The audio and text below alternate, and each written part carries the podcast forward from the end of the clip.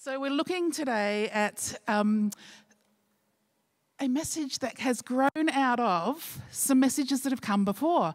God's been speaking to us in many different ways. And if you're visiting here, it's okay. You're going to catch on. It's pretty clear what He's saying. And He's doing it in multiple levels and with different voices. So, if you haven't yet checked out our YouTube channel and you haven't seen some of these messages, when we have our next lockdown, go and look at them again because there's plenty there in storage, but there's also messages that are really alive. The one that Ben brought about talents, he spent over three years, right, in um, investigating what this one parable means for his masters. And we got to see what he discovered in that journey. It was amazing, Ben. I just want to honor you and thank you for bringing that to us. And he did he did that in 30 minutes, which was even more spectacular. So thank you. There's a lot to unpack there. And then we had the next week Barry Borneman, who's also sitting in this corner, preacher's corner, maybe. and Barry brought a word about endurance. And that word was so important for us because we went into lockdown the next week. And all of us, I heard many of you talking about that word, saying, God's with us. Endurance is part of this journey. And I just was so grateful. Thank you, Barry, for listening to the Lord for us. And then, as Joe said, we had a recorded message coming from the Mathesons in Uganda, and that was like a spark to us. It literally was so challenging and provoking. I've listened to it three times because there's so much to unpack. They listened for us as a church, they know us as a church, and they prophesied over us through that message. When we say prophesy, it means there's life in it to unpack that we are going to take that as a leadership and say, what were they saying that God's saying about this church for this moment? And they also showed what Ben's sermon looked like.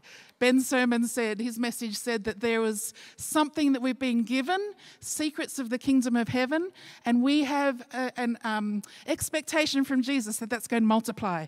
And we saw that through the living message of Ron and Anne and what's happening with them. So, again, we're just in a really rich place where God's speaking in all sorts of ways. And even today, as the prayer team was praying before the service, it was as if they were reading what was on my heart for today. They were praying literal prayers that we're going to see God unpack today. This is what dream of a church that's just moving, life groups that are hearing God, blessing their community, blessing their groups, growing together. And so today we're going to pick up what Ben left with us, and what Barry left with us, and what Ron and Anne left with us. And we're going to say, what are some of these secrets of the kingdom of God that have been given to us that we are to do something with? Before I start, just a show of hands, okay? Show me your hand if you have a favorite movie. Anyone? Anyone? Some movie, okay, hands down. You have a favorite book? We've got movie, okay, we've got a good mix. I love this church, we're so diverse. If you have read your book or watched your movie more than once, hands up. Favorite movie? Okay, hands down. If you have read your book or watched your movie more than five times, hands up. Oh my gosh, I love this. Keep your hands up if you've, watched or read more than 10. You guys are absolutely passionate about things. I love that. I'm not wired that way. If I've read a book or if I've watched a movie, I find it hard to watch it again. But I love that there are some of us that have favorite things that we just continue to revisit. My nieces, they're in their 20s. They love the TV show Friends every time I'm around there. They're always quoting Chandler Bing, or they're also going, How you doing? They are always doing monologues from friends and i just sit there and go oh, that's great i love friends but i can't repeat what they said because i've watched it so many times they've even bought a trivia game and they invite their friends around their friends around and they always win because they know all the trivia of these seasons of friends what we're about to read today in luke 8 is going to feel a little bit familiar, like your favorite movie. It's going to feel like your favorite book. We've, we've heard this so many times before. But I'm bringing it because Ben left us with a question. And then we are to unpack some things. And the, the things are the secrets of the kingdom. And in this parable in Luke 8, there are some fresh things that God's going to say to us today. And I'm really excited because there's someone that's been pastoring me. Yes, pastors need pastors from afar. I've been reading books, I've been devouring their teaching, and I've been listening to their conversations. And his name's Darrell Johnson. And he's written a book. He started, I found him because he's written a, a book recently on Revelation. And I just like, I've been digging into that. And I know that sounds right an unusual thing to be digging into during COVID, but the way that he is teaching me through that revelation, the book of Revelation, it is just brilliant.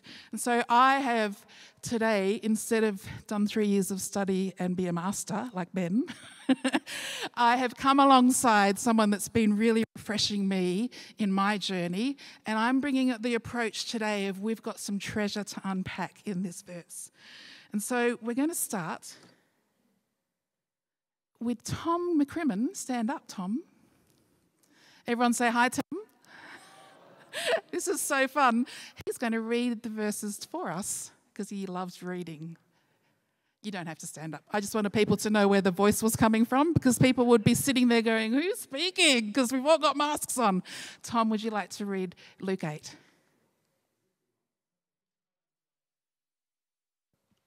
Hello. Yep. Okay. Here we go. The parable of the sower. Soon afterwards, he began going around from one city and village to another, proclaiming and preaching the kingdom of God. The twelve were with him, and also some women who'd been healed of evil spirits and sicknesses. Mary, who was called Magdalene, from whom seven demons had gone out, and Joanna, the wife of Chuza, Herod's steward, and Susanna, and many others who were contributing to their support out of their private means.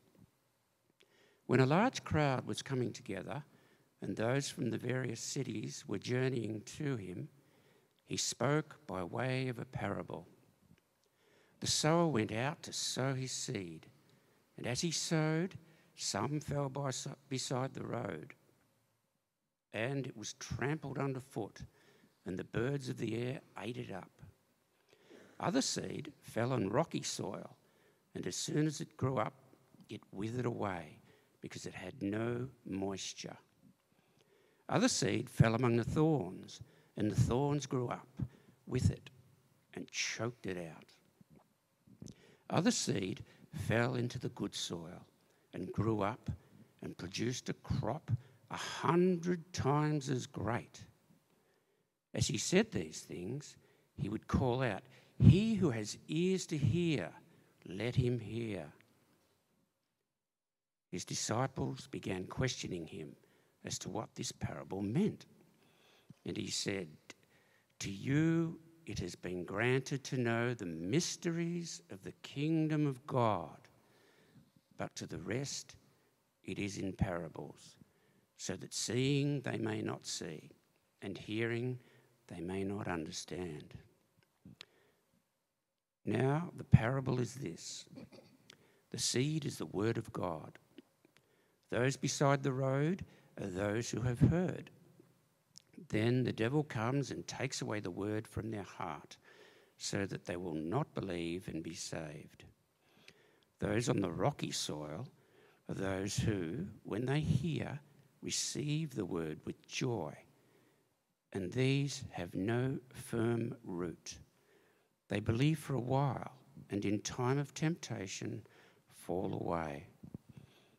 The seed which fell among the thorns, these are the ones who have heard, and as they go on their way, they are choked with worries and riches and pleasures of this life and bring no fruit to maturity. But the seed in the good soil, these are the ones who have heard the word in an honest and good heart and hold it fast and bear fruit with perseverance.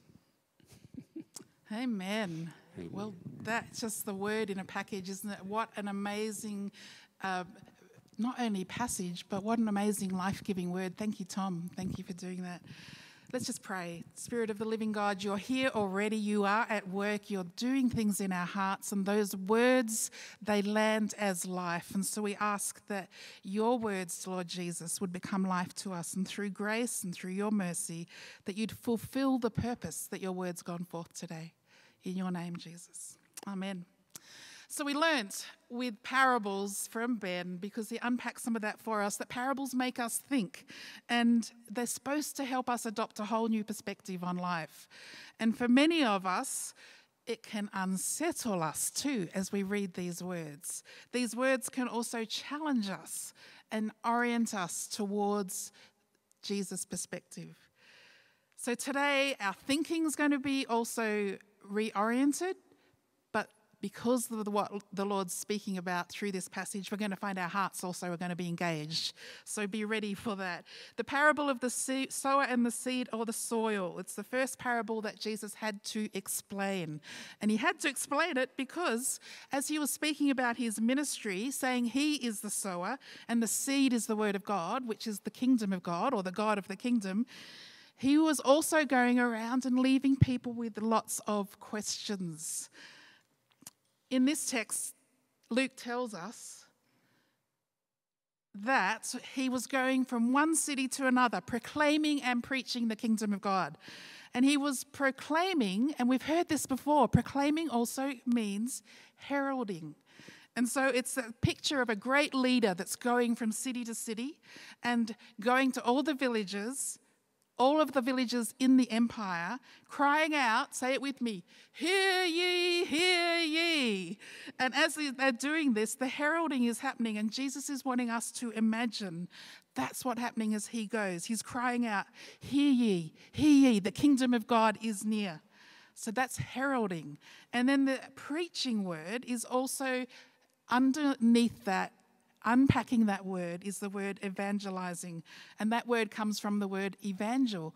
And if we're Western people, we start to shudder with that word. But have a listen to what it actually is supposed to invoke in us and what we're supposed to imagine. It's a picture evoking a king sending out a good news with someone that's running through the villages with great news that there's been an amazing victory. And so, evangelizing, the evangel carries good news. It's like Caesar Augustus, for instance, standing there, and he sent out evangelists, people with good news, saying there's been a great victory, and we're announcing good news to you that my world, he thought he was the Son of God. So, my world, he's saying, is being established, and there will be peace when I reign. This is the picture we're supposed to have when Jesus is proclaiming and preaching. He's heralding and he's evangelizing. The kingdom of God is here. So imagine that's what's happening as Jesus is going around in this passage. Jesus is saying, Because I'm Jesus, there's a new world order that has come. There is a new kingdom that has come, and I am announcing it with great joy. The great sower is sowing seed into the soil of the world as he goes around from cities to city from village to village, and the soils are the hearts of those who hear that word. So, this parable is really clear at first look, isn't it? It's Jesus and it's about his ministry to the world. It seems pretty straightforward. So, why was this the first parable that the disciples then said, Can you explain this? Please explain. Isn't it great to know that the disciples had questions as well? Even though they had access to Jesus, they still said, We don't get it. Can you explain that to us?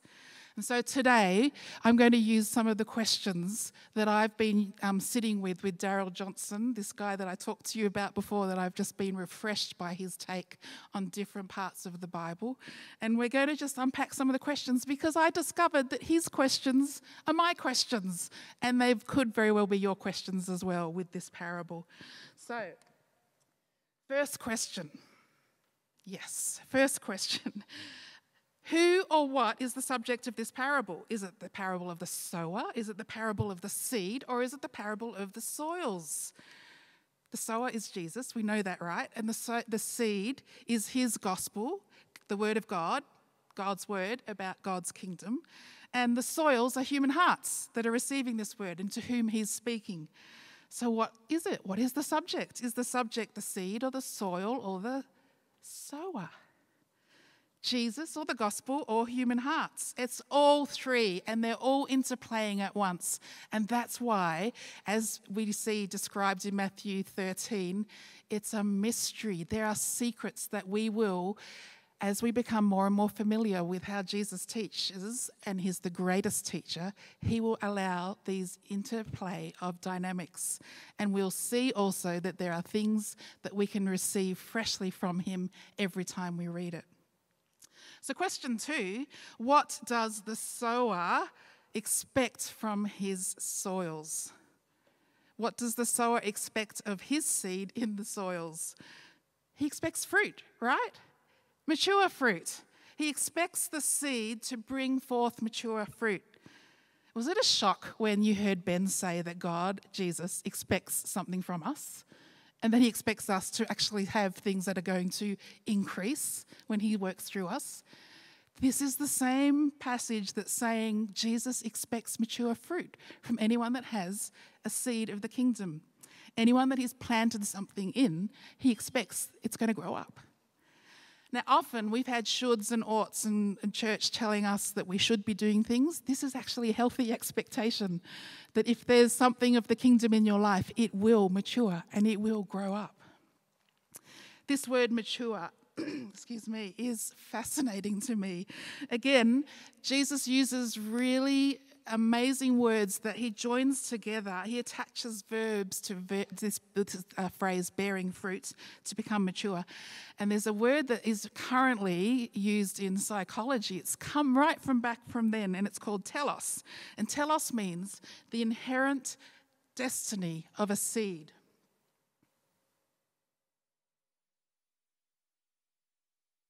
There it is. it means the inherent destiny of a thing. And so it means that there is a purpose in every seed, right? I was actually thinking today that I would hand out little seeds that you have to hold for the whole sermon and then see at the end who actually had not lost it. but I decided oh, that might be a bit distracting for you all and also for me. But inside every seed, there is something that is going to be its inherent destiny. So if you've got a sunflower, the seed of a sunflower will produce a sunflower. The seed of a grain of wheat will produce wheat. An acorn will produce an oak tree. So, whatever's in the seed grows into what it is destined to do. It has an inherent destiny. And so, when Jesus is talking to us about maturity, it means there is something in you that He has placed that is going to become mature and it's going to have the fullness of the destiny that He's planted in you.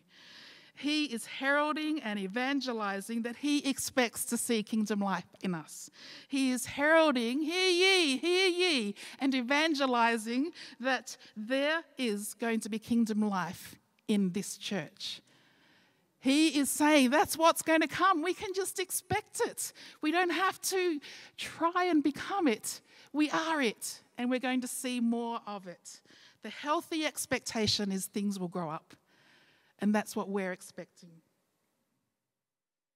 So, part of question two, and again, the New Testament um, is all throughout, you'll see that there are themes from this parable. And in James 1:21, we see it. It says, Humbly accept the word planted in you, which can save you.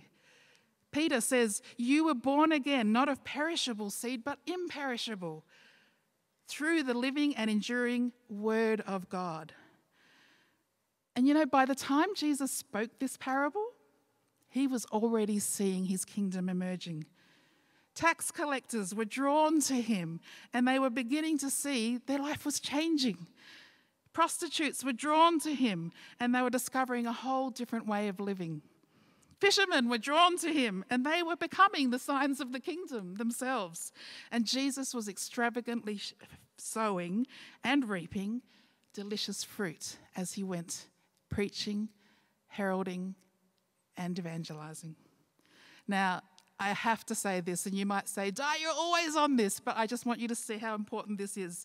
We read that also one of the significant signs of the kingdom is the life of women following him. Luke was so taken by this that he actually gave us their names this time. their names Mary Magdalene, Joanna, and Susanna. And he was so taken by it, he was telling us more about them. He was saying, These women have heard the word of the unbreaking kingdom. And not only that, they've been healed by it and changed by it. Not just Mary Magdalene, all of them, all three. And there's a great quote that I think I've read probably more than once here, but I'm going to read it again from N.T. Wright, the scholar in the UK. he says that these women have done the unthinkable for their culture. He says, they left their well defined social space of home and family, and they chose a sorry, they left their, their, their well defined social space of home and family where they had a role and duty, and they had chosen to accompany Jesus and his followers, looking after their needs and doing so out of their own pockets. These are the women doing this. This is as every bit shocking as the first century Palestinian point of view of the story where the woman, let, woman lets her hair down and starts kissing Jesus' feet. That's how shocking it is that these women were with Jesus. Imagine the looks that people would have. Imagine what people might say. N.T. Wright goes on to say, but imagine also that Jesus is looking at them as people in whose hearts and lives his word was taking effect. People who were already bearing fruit. They were putting their life, their reputation, their property at the disposal of this extraordinary kingdom life. And it was a movement. And N.T. Wright says these women represent that Jesus the sower expects to see soils that will hear his word. I say that because you, we expect that every person is, has access to express their gifts, to bring their gifts, and to release their gifts in the body of Christ. And we're practicing that. we're doing that in every way we can. With whether you have something in your heart that we haven't heard about yet, we're expecting that you can bring that to the disposable disposal, the disposal, not the disposable. You can bring that at the disposal of this movement that we are involved in, and we want to see you bring your voice as well. So, this fruit that Jesus has, he says, you can expect such fruit in any heart because when He speaks, His word performs. You can expect kingdom life to emerge in us. You can expect His life to emerge in our church. This is a healthy expectation. Later, Jesus says, You did not choose me, I chose you, and I appointed you that you should go and bear fruit, and this fruit will remain. So, what did Jesus the sower, with question three, see as obstacles? Why, why are there obstacles to this seed maturing in the soils? What stops this happening? If this is the, the plan that he's had, why are we not seeing it in the way we want to see it? So, we're just quickly going to go through some of the heart conditions, some of the soils that are evident in this parable. And he's saying that there are four different kinds of human beings. And if you're on the Alpha team, you're probably sitting there framing that we're going to see some different heart expressions come when we gather on, on Wednesday. Excuse me.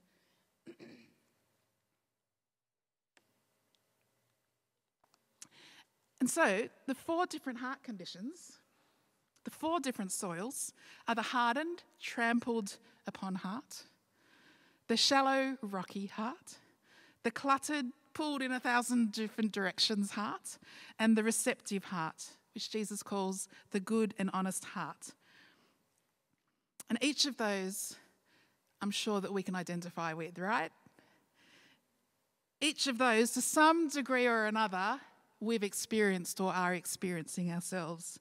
That is, something is true of those four heart conditions in us at some point in our life, maybe today. There are hard places which don't seem to take his word and bear fruit. There are shallow places, there are cluttered places, and there are receptive places as well, thankfully.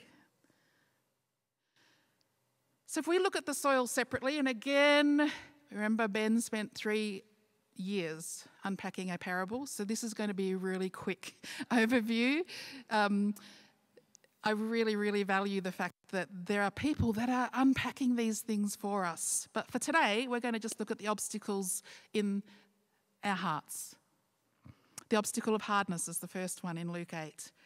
And here we're seeing that hardened hearts are very vulnerable. Now, what do I mean by that? It means that this universe that we're born into is not a neutral place. We are vulnerable to an enemy that wants our hearts to go in a different direction than God's ways. And so there is a very real, personal, and diabolical opposition to your heart, and He wants to keep our hearts hard. This enemy wants our hearts to, hearts to remain hard. He pursues and even preys on people with hardened hearts. And the reason that he does that is because a soft heart is a threat to his kingdom. A soft heart is pliable to God. And so, this enemy, this personal enemy, is after hardened hearts and he wants them to get harder. He's after bitter hearts and he wants them to become more bitter. This enemy wants to see resentful hearts become more resentful. And this enemy wants to see disappointed hearts become more disappointed and experience more disappointment. So, Jesus is saying here the good news of the kingdom is that if we don't have hard places in our hearts, the enemy won't steal things away from us. Keeping our hearts soft is going to be a key to the kingdom for us. Soil two is the obstacle of shallowness. We just read that, right? And so we see that there has no root. There's and Adam was praying this morning in our prayer time, and he was talking about going across um, to Marysville and how, with all the softness around our trees, all the trees have been uprooted, right? Because the soil was too soft, so soft that there was nothing to hold the roots in. And so we've seen that in our landscape, but Jesus is saying here that this rocky soil, not saturated soil, this rocky soil is where it won't take root. And he's saying that they believe for a while and then a time of temptation comes and they fall away. This again, beware of entering the kingdom of God, you will experience trouble, temptations, testing. Jesus is warning us that we're going to face that. And thank goodness we had a message like the endurance message to say, but Jesus shows us the way through our troubles. And so, yes, there's blessings in the kingdom of God, and yes, there is forgiveness and peace and joy and all the blessings that we can expect to ex- experience. And there also will be times of tribulation and testing and it will tempt us to back off. It'll tempt us to step away from what God's inviting us into. And when Matthew was remembering the words of Jesus in the parable, he said that since they have no roots, they last a short time only. And when trouble and persecution comes, because of the word, they quickly fall away. They quickly fall away because there's no root. So, these two kinds of words, have you ever heard anyone in the last few weeks saying, Oh, I'm going through tribulation? Oh, I'm feeling persecuted? They're not words we use a lot, are they, in, in our language? Well, maybe some people are seeing that on Facebook or other things. Oh, we are being persecuted, maybe. But they're not words that are, we are easily unpacked. And so, this word, here's another little key that um, I've found um, when studying Revelation, this word comes up a lot, this word tribulation. And this word tribulation, there's a word called thlipsis. Say that behind your masks. Thlipsis. and it means pressure. It means crushing pressure. It's part of the New Testament vocabulary. And thlipsis is tribulation. Thlipsis is something that's very hard to say, but it's also something that it explains what happens when two powers are coming together and they're trying to overcome each other, and you feel that crushing pressure. Tribulation. That's what it feels like. That feels relatable to me. I have seen that and I've felt that, particularly in the last couple of years. And we find ourselves experiencing crushing pressure. And Jesus is saying that's part of the kingdom. And that's also something that we're going to experience as we follow him. And he's saying that this pressure, this trouble that comes to us, yes, we can endure it, but we also read in uh, Acts 14 that through many tribulations, that's how we enter the kingdom of God. We're not to back off from those things. That's what we're being invited into. Now, if you were to stay in trouble for all of your life and tribulation and pressure, then we would be saying, We want to pray with you. We want to see you be relieved of that. But we don't want to relieve people of trouble and pressure if it's leading them into the kingdom more. And remember, it's not pressure and tribulation and trouble because of you. His word says it's because of His word in you, over you, in breaking through you. It disturbs the status quo. And this is why, as a church, we're just wanting to long, long um, that our hearts keep digging into the word and keep breaking open the kingdom because we know that the word's actually going to bring us life. And this is what happened when Jesus went everywhere through cities and towns and villages. His kingdom broke out as his word went forth, preaching and living the kingdom so interesting that Alpha has a question mark over it. And in a sense, what happens with you as you go forth with kingdom life is you're going to bring question marks to a lot of people because you're going to be bringing a pressure on their established ideas, on, on what they see as reality. And so your kingdom life will break through with questions. And so if you have any indication of people that you're talking to with questions, use that as an example of this is kingdom life. These people are free to ask questions about what kingdom life looks, and then you just bring the good news in that moment. There's so much as well with this pressure that is about, um, probably another way of saying it is there's idols that need to be toppled. there are things in, that are built in our culture, in our hearts, that Jesus just wants to see messed with, and just that there'll be no rival when Jesus is in our hearts. And so, when the kingdom comes and trouble comes and pressure comes, it could be that there's some idols also that are going to be removed, and that we're going to see trouble coming for a moment and then freedom comes. So, all I want to say out of this part of soil two is soil two is really the heart that gives up when things start to get hot right? When things start to heat up, people want to back off. And we're saying, keep going through. And the best illustration I can think of of this, I need a volunteer. Is anyone good at being a scarecrow? Who's got the best illustration of being a scarecrow? Who's going to stand up and do that? Come on, come on, we're family. Here we go. Yeah, pretty good. Give her a round of applause. Woo-hoo. Oh, we're going to have a visual the whole time. That was brilliant. Thank you. Thank you, Helen. You don't have to keep standing, though. That, that's 10 out of 10. So much better than my, my, it more looked like a cross, didn't I? But that was much more like a scarecrow. So now I know I'm talking to people in the Yarra Valley, so you're like, we don't have scarecrows, we have air guns, right? But imagine a scarecrow with me, okay? This is the best illustration I can think of. What do scarecrows do? Scare crows. Yeah, they scare crows. But crows are dumb, right? And so if you had a smart crow, a scarecrow would literally be advertising there's a field with fruit, right? Someone's trying to protect that field with a scarecrow. Someone thinks that there's something important and delicious in that field. And so the crows are attracted. And if they were not dumb, they would actually be going to every field that has a scarecrow. And so if you imagine believers who are switched on, who are not like the scarecrows that are advertising this field with fruit, and then we say, oh, we're being attacked by the crows. Think about it a scarecrow is immobile. It's powerless to do anything, it's there just to defend its territory. And so, for a smart crow, that's where the crow is going to go, where the fruit is. Something that's being protected and is growing here, something's happening here. But if we as believers are switched on and we see trouble or testing, things coming, crows coming towards us, thlipsis, pressure, it's because something's growing here. It's because something's in you that is attracting that attention.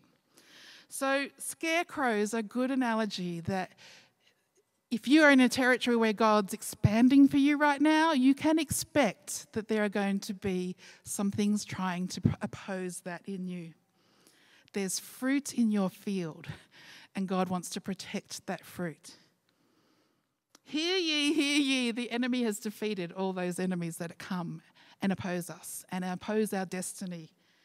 So don't be intimidated. I think one of the things that I've learned most in the kingdom, and that's helped me avoid heartache, is that when there has been something sent or set up against me or you, it's usually because out of that's going to come some sweet fruit that then multiplies. And out of that process, it becomes a gift to others. So, some of us from childhood have had things sent against us like the crows trying to get that good fruit in you. And those things then, through the redemptive power and love of Jesus, have become the very gift that you are now bringing to others because you've learnt what it is to endure in those places. And because the redemptive power of God is so much stronger than what we imagine in our lives. So many people that have become coaches or counselors they've often had something that's happened in their life, right? And then they've got something to give away that's very real. It's the same thing. They've endured, endured thlipsis, pressure, and it's become out sweet fruit, delicious fruit, amazing fruit. Today, when we have communion, and that'll be at the end of today, we're going to just have a time to come and say, Lord, is there any pressure on my heart that I need to be actually talking to you about right now? Is there anything that's in my history that can now become sweet fruit for you? Some of you might be having those conversations with Jesus around the communion table and saying, I'm ready to take that and give that away, just like he did, just like what we're going to celebrate. And yes, there are troubles, and he wants to deal with wounds and weariness. I'm not saying that we just ignore the fact that whenever we're in lots of pressure, wounds come, weariness comes, and that's why the body is so important. That we can come around each other and say, I can see that's pressure for you. And we really want to pray for you to be able to endure that, get through, and have the victory over that as intended. Inherent in your destiny is that. That's the promise. I'm just pausing because I feel like that. Um, me just wait and see what Holy Spirit's saying. Hmm. Just want to pray over anyone that's experiencing pressure right now and just free you of that mindset that's saying that you are doing something wrong. It's you're not doing something wrong. And I just want to lift off anything in you that's saying, just keep failing. And I want to say, you're not failing, you're fruitful. So let's just hold your hands out. Doesn't matter if you, it's you or if it's someone you know. And Lord, we say thank you for pressure that leads us into the kingdom. Thank you for pressure that continues to lead us to freedom. And thank you, Lord, that you're doing something wherever there is a kingdom clash. And so, right now, Lord Jesus, I just want to release your grace, your empowering grace, the grace that moves us to a new space. And I want to pray that your empowering grace would come to and through your people right now that for those that are experiencing pressure, that you would come now, Lord, and you would intervene and that you would show with revelation and wisdom how to walk through this. And for those that need to be free of it because it's an, an enemy that's coming to try and put pressure in the wrong way, we just break that off you right now. We say, You are free to bear fruit. The field that you're standing in will be fruitful. And we just declare that in Jesus' name. And we switch that around and say that sweet fruit that's coming is to be a gift to those around you. And so, Lord, thank you for the delicious fruit, the fruit of the Spirit that's growing in your people love, joy, peace, patience, kindness. We thank you for that, Lord. Amen.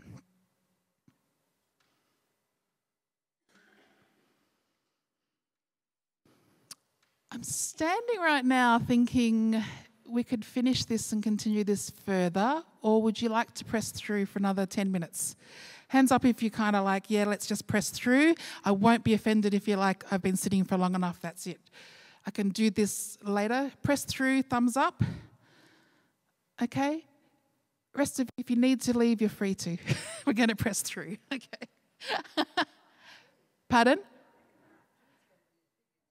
Okay. All right. So help me discern here, guys. We're a family. Shall we just do part two another time and we'll yeah, yeah, thank you. I can feel that that that felt like a moment just to stop. And so you've helped me. And that's what we do as a body. We just say, okay, I think that's enough for now. We're going to go to communion. And as we go to communion today, there have just been two parts of our hearts that the Lord's been talking about. Talking about the obstacle that could be there, that. Um, that might be including the enemy trying to come and steal and rob from us through trouble. And then there's the obstacle of shallowness, where you're feeling like, I just want to go deeper, Lord. And then there's the obstacle of hardness.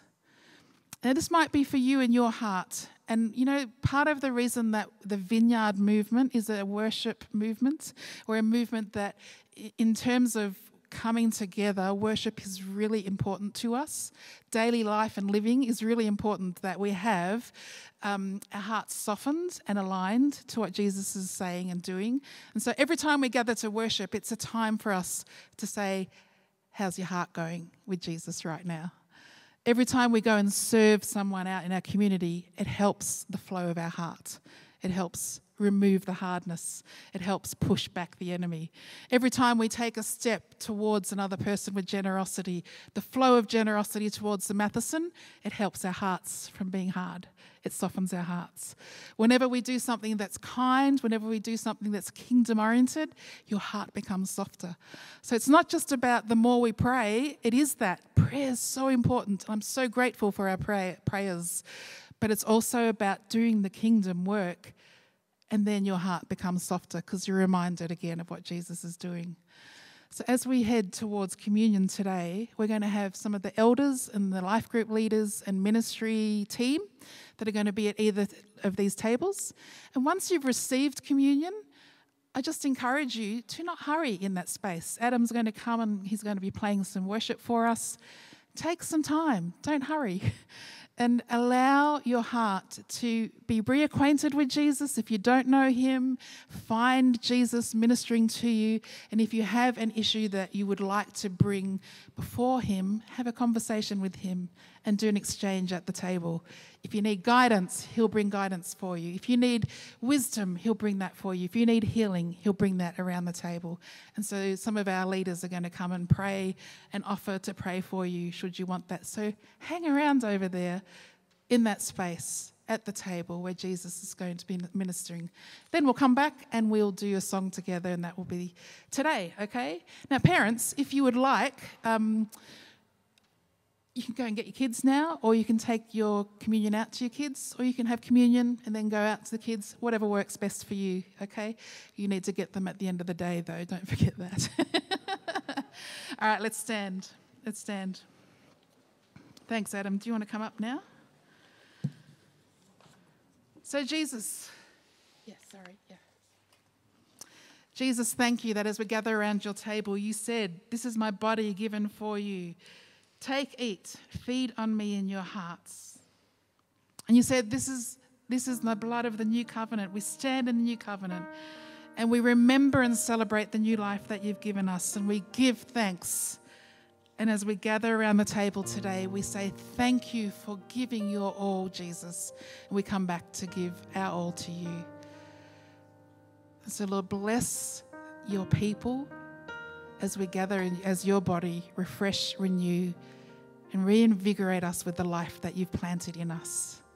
In Jesus' name, amen. Feel free to move when you'd like to either table. There's cups over there. Help serve each other or serve yourself. Take this time. One over here, one over there.